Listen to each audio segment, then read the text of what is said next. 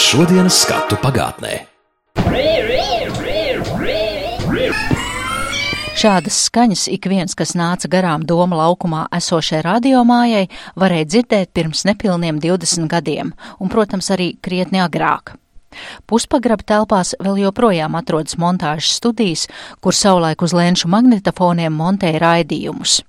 Tagad datoru ērā šo lentes dancināšanas melodiju vairs nedzirdam. To laiku montāža un iepazīšanās ar tiem radio cilvēkiem, kurus klausītājs nedzird, bet no kuru darba ir ļoti daudz atkarīgs, kādā kvalitātē izskan ieraksti ēterā, veidos šī raidījuma saturu. Radio mājā tik dažās telpās ir saglabājušies lielie lēnšu magnetofoni, un tik daži cilvēki vēl joprojām no tiem pārkopē ierakstus no lentām uz datoriem. Viens no tādiem ir skaņu un datoru inženieris Edgars Jackēvičs. Te jau bija interesanti lieta. Šie mm. magnetofoni, teiksim, liekas lenti ar emulsiju uz iekšpusi. Un, restīvi, kādreiz tās galviņas bija no otras puses pretī lentei. Un tad lente tika uz otru pusi tīta virsū. Tad šī, vecā lente, uztinums viņai arī pretējs ir. Mēs viņu savērpsim. Kas notiek, ja nesavērt? Tad vienkārši klusums ētrā. Klusums nav, skan kā muca, nav dzirdums skaņai.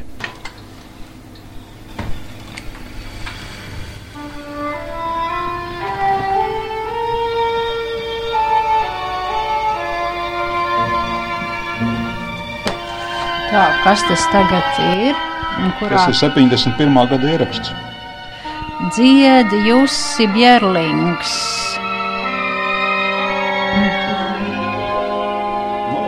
Paveicis.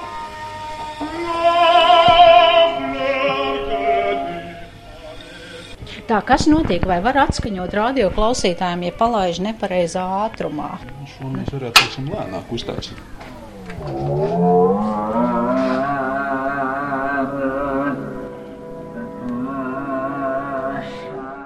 Vēl no tāda veida kļūdām bija iespējams radio cilvēku žargonā runājot buratīno efekts. Proti, ja skaņa sāk skriet pārlieku ātri, tad runātājs izklausās kā multeņu tēls, Un neko nopietnu par radio vēsturi vairs pastāstīt nevar, un pēc tam dabūs skaidroties ar priekšniecību, ka šāda niekošanās ēterā ir bijusi informatīvi izglītojošo mērķu labad. Tiešais ēters. Tava pārteikšanās izskan publiski. bet lēns taču arī mēdz trūkt. Jā, nu, tā lēnta vienkārši skatoties, kur viņi kā viņi pārplīs. Principā parasti ir akordi mēdz notrūkt, nostāja kādu līmējumu. Tad vienkārši to lēntu laid uz grīdas leņķinās lejā. Un, ja, piemēram, bija 45 minūšu vai 50 minūšu garš raidījums, Nu, Kaudzes bija laba. Pēc tam varēja to tīt atpakaļ lēnā garā. Šī ir tā viena no tām lentām, kas tā kā reiz tādā veidā tika līmētas. Mēs varam paskatīties, kā rakords pielīmēts klāt. Jā, šīs skaņas bija ļoti ierastas pirms datora Tās ienāca varēja radio. dzirdēt, ejot pa domu laukumu, gar puspagrabu logiem. Mm -hmm. Tur bija mehāniskās, un tur dāmas montēja. Mm -hmm. Tādas skaņas varēja dzirdēt.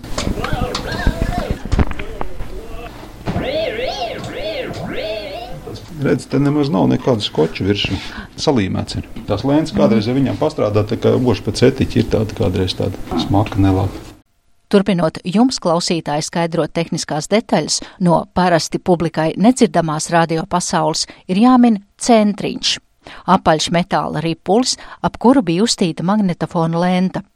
Līdztekus savai pamatfunkcijai šie centriņi arī kalpoja praktiskām ikdienas vajadzībām, kā pelnu trauki vai pudeļu attaisāmie. Mūsu radiovēstures grāmatā reiz rakstīja bijušais tehniskais darbinieks, radioinženieris Visvalds Grūbe. Ap 1952. gadu radio parādījās magnetofoni MEZ 2. Kā zināms, radio komitejas priekšsēdētājs Indričs Lēmans bija nesmēķētājs, un viņš arī necieta smēķētājs savā tūmā. Vienīgais cilvēks, kuru laikam viņš cienīja, bija komponists Jānis Ivanovs, toreizējais radio mākslinieckais vadītājs, kuram bija atļauts smēķēt pat Lēmaņa kabinetā. Jaunajiem magnetofoniem MES 2 virspusē bija tāds neliels padziļinājums ar vāciņu lenšu līmes pudelītes ievietošanai. Reiz Lēmans un Ivanovs bija atnākuši apskatīt šo magnetofonu, un Ivanovs ievērojis minēto padziļinājumu, pavisam nopietni ir teicis: Paskat tik, šeit paredzēta arī pelnu trauki. Sadzīvē bija spola, plasmas spola, kurš bija uztīta lenta virsū. Jā, atceros. te jau nav spola, te ir tikai pa vidu metāla gabals, tas centriņš, ar ko pudeles taisīja vaļā. Tā, šis, Limonāts mīlētāji. šis ir tas, Jā, šis ir tas centriņš, jā. jā. un ziņu vienkārši kilometrs ar lenti tika uztīts virsū. Lentai stāvot, viņi pažū, un tas uztīnums palika tāds mīksts, vaļīgs. Un kādreiz to lentu paņēma to rūlēs skantēm, un tas centrs izkrita ārā. Un tad tu paliec vienkārši ar lenti bez, un lenti lēnām, lūr, lūr, lūr, uz Krāsānie papīrīši, ko bērni jaungadā met pa gaisu. serpentīns. jā, Serpentīns, jā. vai glabājas serpentīns, un tas kilometrs notinās uz zemes. Bet tā situācija ir apmēram tāda. Pēc piecām minūtēm ir jāskan šim ierakstam, un operators paņem aiz malām to lenti, centriņš izkrīt, un ko viņš tagad dara? Es esmu dzirdējis, ka savu laiku tāds gadījums esot bijis, kad uh, sasaukt visi radio cilvēki, kas ir bijuši uz vietas. Tā bija kaut kāda brīvdiena, un tas rūlis tika izstiepts pa koridoriem, pa trepēm, visā garumā stiepts, un, un, un viens gals jau skanējis ēterā lentai. Un tas viss tā, tas konvejers virzījies uz priekšu, tur to lentu limējuši, šķērs šķērītēm griezuši, jo viņš jau sametās mezglos. Tā lenta viņi nevar nekādīgi atpiņķerēt. Tā viena griezta līmējuši, un tas viss tā virzījies tā procesī, tā pamazām, kamēr tas rūlis viss izskanējis. Bet, ja tādu, teiksim, operatoram vai kaut kādam skaņu operatoram nokrīt zemē pie montāžas, nu, tad tur kādu dienu tur var ņemt tīt to lentu. Pēc. Es domāju, ka pagājušā gadsimta 80. gados skaņu operatori par savu himnu varēja mierīgi izvēlēties Imants Krastiņa dziedāto kamolā tinē.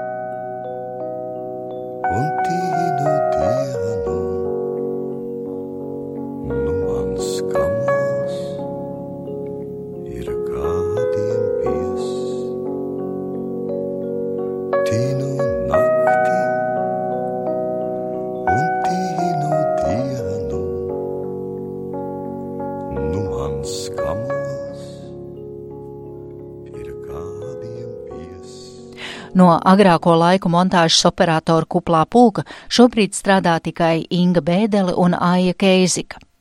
Tagad, redzot skaņu datoru monitorā, kas izskatās kā trekna kardiogrammas līkne, ir viegli izķert skaņu blusas ierakstītajā materiālā. Bet agrāk, tik griežot magnetofonu lentu, bija jāuztrenē auss un pirkstu veiklība, lai kvalitatīvi samontētu raidījumu. Inga un Aija bija un ir meistars šajā arodā. Tu saki, mēs tik raizījām lentas un darījāmies. Tas nav neko vieglāk un nav neko grūtāk. Tāpat arī ar datoru ir. Tev ir jāprot samontēt, lai cilvēks izklausītos normāli, nevis tikai griezt un griezt un griezt. Ir jāstāj elpas, ir jāstāj kaut kur E un B, ir jā, nu, tas ir jāizjūt. Nav jau tā vienkārši, ka tu skaties uz to kardiogrammu, kā sacīt, jāsaka, jā, un tikai šņikā vaļā. Nē, tā nav. Tā uzskata skaņu ierakstu operatore Aija Keizika, bet viņas kolēģei Ingai Pēdelei un arī dzan man ir citi uzskati par datoru montāžu. Bet šeit var redzēt tagad uz datoru monitoru, bet uz tām lentām jau nevarēja redzēt. Nav kāda starpība. Kāda starpība? Šeit ir, ies... Nē, šeit ir iespēja labot tās kļūdas. Te tu vari atgriezt atpakaļ, te tu vari kaut ko. Tas ir daudz vieglāk tādā ziņā. Jā, jā. tur bija atbildība lielāka. Atbildība, protams, bija lielāka. Jā. Jo gadījās, kad uh, tu esi izmetis kaut kādu vajadzīgu teikumu, tu esi izgriezis no lēna, iemetis lielā kaudzē uz grīdas, kur ir lēna šādi griezumi, un redaktors paziņo, ka viņam noteikti vajag to teikumu. Jā. Un tu pie uz ceļiem un meklē to gabaliņu un pielāgo attiecīgo leitas posmu. Jā. Apmēram šādā. Un jūs to Jā, varat dzirdēt, jā. par ko tur ir runa. Jā, apmēram šādi mēs montējam. Varbūt viņš lēnāk, līdzīgi, bet tā bija. Tajos laikos sēdēja redaktors, mūzikas noformētājs blakus, un tas gaidīja, ka mēs samontēsim, kad viss gatavs un ka varēs visu kopā kopēt, un pēc tam vēl nesavus uh, tehnisko kontroli, kur nedrīkstēja tur būt plus mīnus 2 decibeli, un ja tu esi nokopējis 45 minūtes raidījumu, tev atrada trijās vietās tādus plus 2 vai mīnus 2 decibelus, sēdi un pārkopē. Kādi bija toreiz tie montāžas operatora darba rīki? Mēs iedomājamies, bija divi lenšu magnetofoni. Uz viena skan tā saucamais melnais materiāls, un uz otru ir tīra lenta tagad, un kas tur bija šķēres, Tas jau bija pēc tam. Sākumā mums bija viens montāžas magnetofons. Un tad bija šķēres, līmes pudelīte, līmes kociņš. Un tad mēs attiecīgi griezām, tur ārā griezām visu to nevajadzīgo, līmējām kopā to lentu. No tādiem gabaliņiem tika samontēts pamatmateriāls. Tajās vietiņās, kur bija paredzēts, kad liek mūziku, tur mēs līmējam tā saucamos rakordus pa vidu. Lai pēc tam kopējot kopā ar mūzikām, tad uz pārējiem magnetofoniem bija uzliktas mūzikas uz vienu no tiem tīrais lentes rullis kurā ar pulsu palīdzību tika samiksēts mūzika kopā ar visiem tekstiem.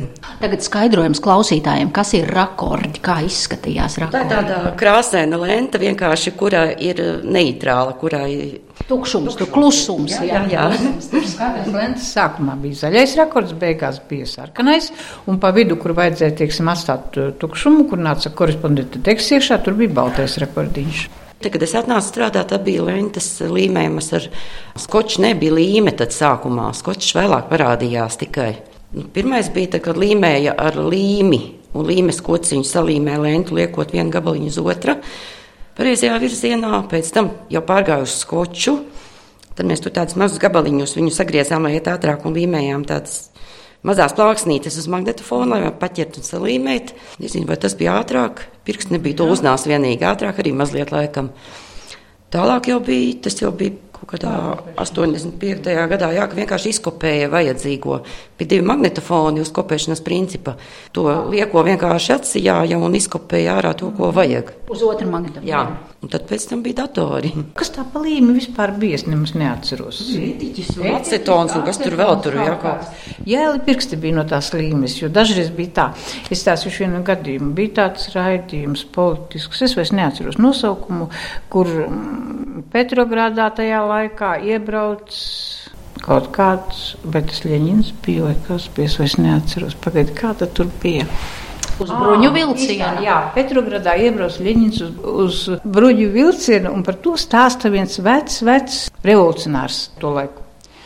Rūlis kaut kādu stundu, liela panna guļ man uz magnetofona, un es sāku montēt. Un viņš, nu nevaru tā stāstīt, un viņš saka tā, iebraucu maķi, Petrogradā maķi, uzkāpus bruņu vilciena malas maķi, šitā stundu es no sākuma smējos. Kolēģis smējās, viens aiziet mājās, otrs aiziet mājās. Es skatos pulkstenis septiņi vakarā, un es ar asarām montēju to lielo rūli. Un izgriez visus Un tos. visus tos es izgriezu. vārdus Jā, nesmukos vārdus izgriezu ārā, pirksti jēli. Etiķis Etiķis bija un arī bija, Bija protams, jā. Acetons ar etiķi bija. Bet viņš ir kodīgs, ka sēž ādu un vispārējo, jā, un, un, un līdz ar to rokas bija. Bet pēc tam jau viņas pierada, un tad tūznes milzīgas izveidojas, tāda bieza, bieza āda uz pirkstiem.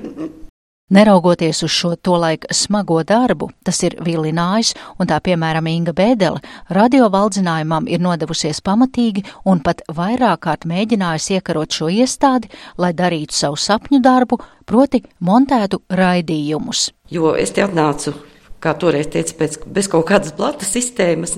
Vienkārši nekaunīgi gribēju tikt strādāt. Un, un man Kāpēc? Kāpēc tu gribēji nekaunīgi tikt strādāt radio? Darbs patika. Man laikam vienīgais kaut kāds izklaides veids tajā laikā laukos bija. Latvijas radio klausīties, jā, nekā cita toreiz nebija. Un tas man viss ļoti patika un interesē, interesē kā top tie raidījumi. Un gribēju redzēt un satikt tos cilvēkus. Nu, tas tā jau no bērnības var teikt. Jā, tāpēc es tā spītīgi arī gāju uz to. Man metā ārā un pēc otrām durvīm līdu atpakaļ. Bet, pagad, tu ienāci un ko tu teici? Es gribu te strādāt jebkuru darbu, vai es gribu būt montāžas operatoru, vai tu zināji, ko nozīmē montāžas operators? Es, es zināju ap, aptuveni teorētiski, bet es nezināju, kā to dara. Un tad tev izmet, un tad tu atkal nāci. Un... Es nācu atpakaļ, un, un, un tad es nostabilizējos. Tagad es strādāju toreiz populārajā raidījumā Dzirkstele. Bija ļoti jauki redaktori, no kuriem es tur daudz varēju mācīties arī nu, to saturisko rediģēšanu. Raitas Kalniņš bija Broņislavs Spridzāns. Vai tagad tas process ir vieglāks salīdzinot ar lēnšu magnetofonu ēru, datoru montāžu? Nu, katram procesam, man liekas, ir sava grūtības un viegluma pakāpe. Šeit atkal ir acīm mm, sarežģītāk. Cauru dienu nosēžot pie datora. Tur atkal bija savādāk, nu, tur atkal rokām bija grūti, mugura sāpēja. nu, Tāpēc, kad notika stāvus, ja tas darbs. nu, nē, mums bija tādi lieli beņķi, mēs sēdējām. A, tādi augsti, tā kā bāra. Bēni. rokām mēs eh, tur diskus meklējām sākumu un beigas, un tad tur griezām ārā un nepārtraukti cauru dienu tās kustības. Bija tā, ka rokas sāpēja, naktī nevarēja gulēt.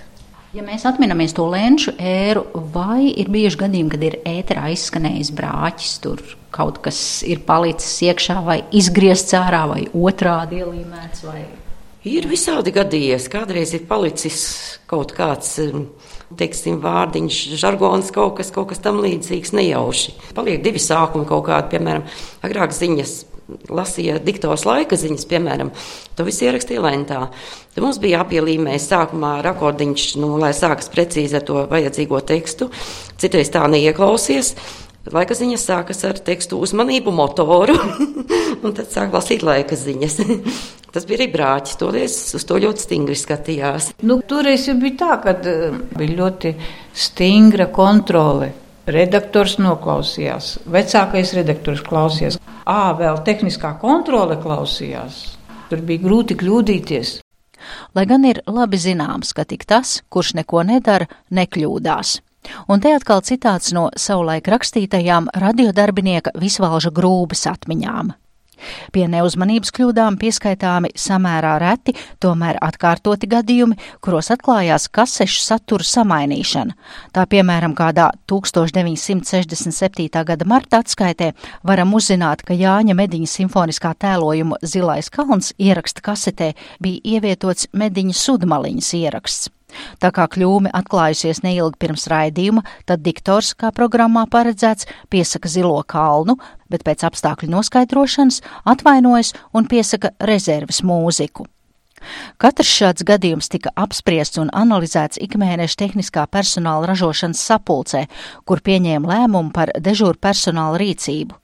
Pastāvēja arī brāķu mēneša norma atkarībā no raidījuma skaita, kas savukārt ietekmēja ceturkšņa un gada prēmiju.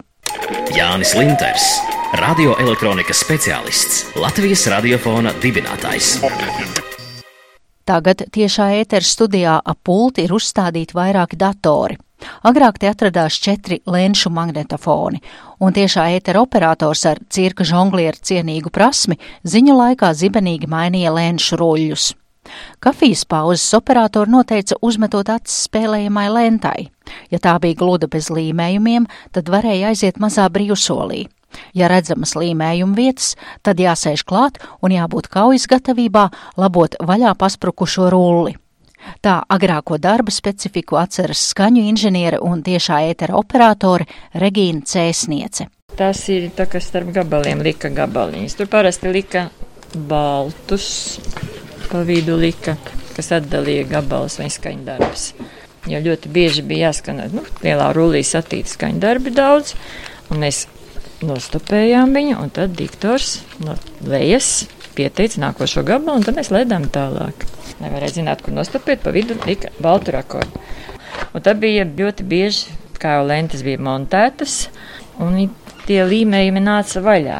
Un tad bija traki, ja tas notiek ētera laikā. Labi, ja tas līmējums atnāk aiz atskaņošanas galviņām, nu tad mums žargonā teica, ka tā ir slaukšana, jo to lenti visu laiku tina, tina lejā uz grīdas, lai neieķerās galviņās. Bet, ja viņi notrūka pirms galviņas, nu neko, tad ēterā ir klusums, un tad ātri bija mums tādi skoči gabaliņi, ko mēģināja ātri salīmēt un fiks ar galviņām. Nu, maza pauzīte tad bija tanī brīdī. Vai bija kaut kāds pieļaujamais pauzes limits, cik drīkstēja būt? Drīkstēja pauze. Nu, kā pauze var būt? Pēkšņi tev pārtrūks eh, skaņdarba vidū. Kāda pauze var būt? Vienkārši pirkstu veiklība, cik ātri salīmē. Mums jau stāvēja tie skoči gabaliņi nogriezti, jau pielipināti pie magnetofona, tur maliņām visur, lai ātri var paķert, lai nav jāgriež. Ir gadījušies dzirdēts raidījums, kad, piemēram, kaut kad atskaņot, pa dienu skanēja lugas vienā kanālā, pirmajā programmā, un vakarās bija otrā programma atkārtojuma. Tie bija vēl pirms pusnakts. Un es zinu tādu gadījumu, ka vienreiz trāpījās, kad lugai vairāki ruļļi, pirmais, otrais, trešais, nu pēc kārtas jāliek, bet, nu, kāda neuzmanības dēļ vispirms uzlika otro rulli lugai, un pēc tam pirmo rulli atskaņoja.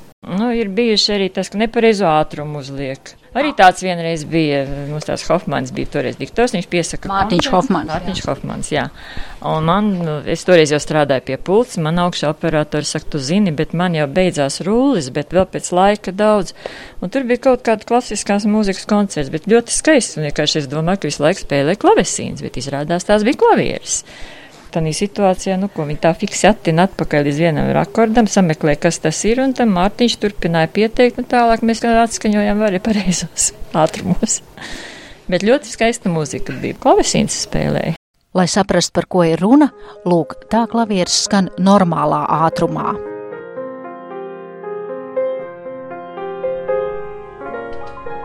Un tā līdzība ar klavesīnu rodas skaņu pātrinot.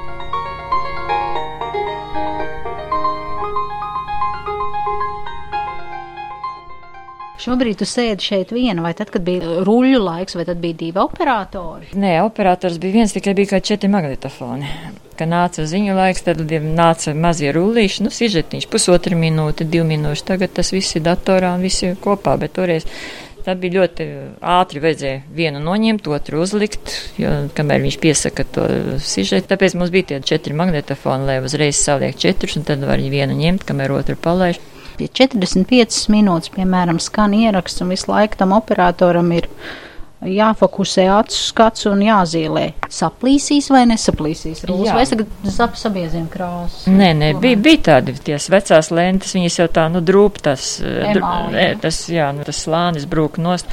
Un tad jau tās bija vispār ļoti trauslas. Un, ja nāk vienā rullī, nu tad ir prieks. Tu zini, ka tajā brīdī tu vari aiziet uztaisīt teju, kafiju vai kaut ko. Ja tu zini, ka tev ir liels rullis, bet ja tu redzi, ka tur ir daudz līmējumu, nu tad sēdi uz vietas, jo kurā katrā brīdī var atnākt līmējums vaļā. Ieskatu skaņu montāžā un riņķa dančos ap lenšu magnetofoniem sniedza tiešā ētera operatora Regīna Cēsniece, datorinženieris Edgars Jatskevičs un skaņu ierakstu operators Inga Bēdele un Aija Keizika. Raidījumu veidoja Zane Lāce.